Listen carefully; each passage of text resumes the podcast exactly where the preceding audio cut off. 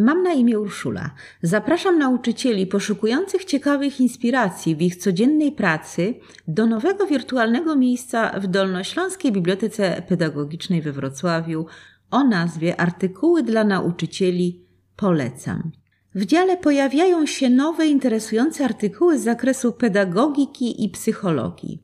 Dzisiaj chcę zwrócić uwagę Państwa na artykuł pod tytułem Problemowe korzystanie z urządzeń ekranowych i internetu z podtytułem Co mogą zrobić nauczyciele, aby wspierać uczniów. Autorką artykułu jest Małgorzata Pluś.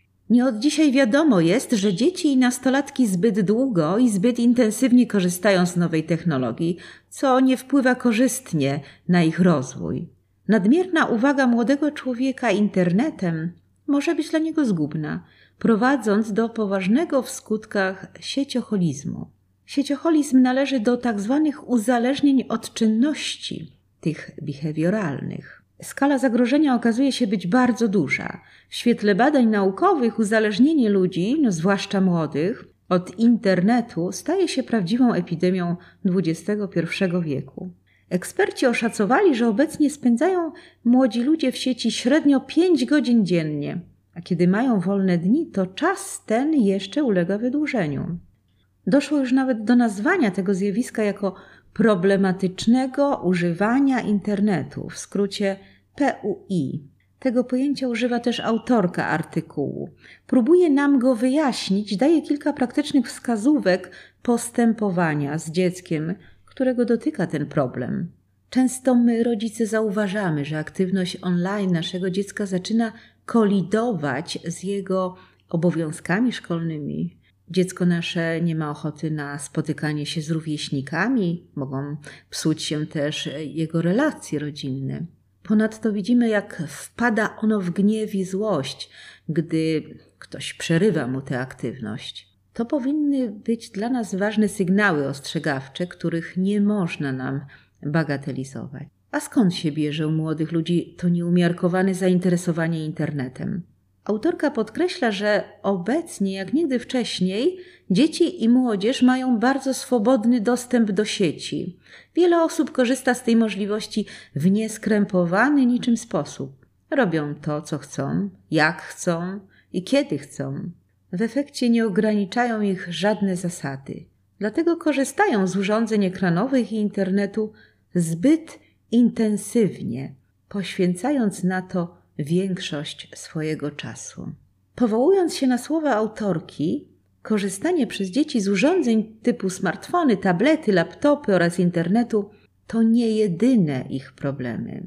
Problemem jest też niejednokrotnie agresja ze strony młodych, gdy zechcemy im zabronić korzystania z tych urządzeń.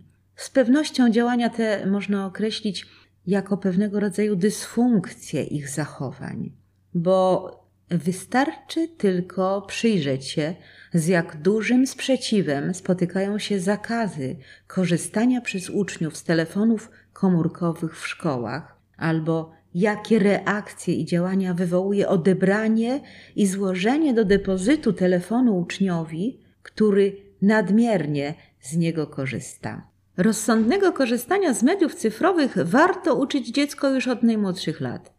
Ważne, aby rodzice i nauczyciele w szkole inspirowali uczniów do świadomego, uważnego i co ważne, kreatywnego, bo tak można i należy, korzystania z urządzeń ekranowych i internetu. Nauczyciele nie są zwolnieni z kształtowania kompetencji kluczowych uczniów, dlatego powinni rozwijać u dzieci i młodzieży m.in. rozumienie, w jaki sposób technologie cyfrowe mogą pomagać w komunikowaniu się, kreatywności i innowacjach oraz świadomość związanych z nimi możliwości, ograniczeń, skutków i zagrożeń. Kompetencje cyfrowe to przecież jedna z kompetencji kluczowych, które należy rozwijać u uczniów. Dostrzec trzeba, że urządzenia te mają również ogromny potencjał w zakresie wspierania rozwoju oraz nauki dzieci i młodzieży. Autorka w swojej refleksji podaje wybrane przykłady działań, które mogą realizować nauczyciele w ramach wspierania społeczności szkolnej w tym zakresie. Proponuje między innymi opracowanie profesjonalnego i skutecznego programu wychowawczo-profilaktycznego, mającego na celu umacnianie psychofizycznej kondycji uczniów na podstawie wyników corocznej diagnozy w zakresie występujących w środowisku szkolnym potrzeb rozwojowych uczniów, w tym czynników chroniących i czynników ryzyka, ze szczególnym uwzględnieniem zagrożeń związanych z problematycznym używaniem nowych mediów. To słowa autorki. I dalej, w przypadku, kiedy obserwujemy uczniów zachowania, które prawdopodobnie mogą być przejawami lub prowadzić do problemowego korzystania z nowych technologii, to koniecznie trzeba wypracować kilka prostych zasad, które warto stosować. Reguły powinny być wypracowywane zespołowo i nie narzucone w formie gotowego formularza. Autorka przedstawia 10 zasad, które mogą wspierać dzieci i młodzież w zachowaniu równowagi między czasem offline spędzanym w realnej rzeczywistości, a czasem online spędzanym w cyberświecie. Nawiązują one m.in. do używania określonego typu narzędzi i aplikacji, np. komunikatora, aplikacji edukacyjnych w określonym celu, np. do nauki języka obcego, odrabiania lekcji, rozwijania zainteresowań, podtrzymywania relacji z bliskimi osobami, które uczeń zna osobiście. Warto podkreślić, że tworzenie zasad nie ma na celu ograniczania praw uczniów w zakresie ich swobodnego korzystania ze smartfonów, tabletów czy laptopów. Chodzi raczej o to, aby propagować takie wzorce zachowania, myślenia i działania, które wskażą bezpieczne, świadome, krytyczne i aktywne ich używanie. Aby oddziaływania w szkole związane z problemem nadmiernego użytkowania przynosiły określone efekty, nie mogą mieć raczej incydentalnego charakteru. Powinny być przemyślane i zaplanowane. I jeśli zachodzi taka konieczność, autorka proponuje zorganizowanie również spotkania ze specjalistą w postaci rozmowy ucznia z psychologiem czy pedagogiem szkolnym na temat mechanizmu e-uzależnienia i wszystkich zagrożeń oraz konsekwencji wynikających z problematycznego korzystania z urządzeń cyfrowych. Więcej proponowanych przez autorkę zasad i wskazówek pracy z uczniem zawiera artykuł dostępny w czasopiśmie Monitor dyrektora szkoły z 2023 roku numer 5. Zapraszam Państwa do lektury jego całości. I jeszcze jedna refleksja, która może być dobrą konkluzją tego artykułu.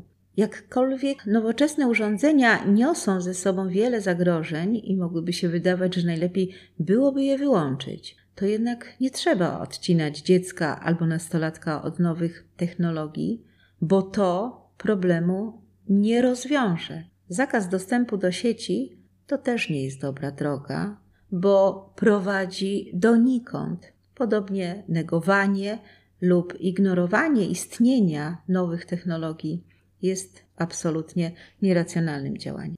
Z tego miejsca, dziękując za odsłuchanie tego zwiastunu artykułu, zapraszam Państwa na kolejne spotkanie. Mam nadzieję, że z równie interesującym artykułem.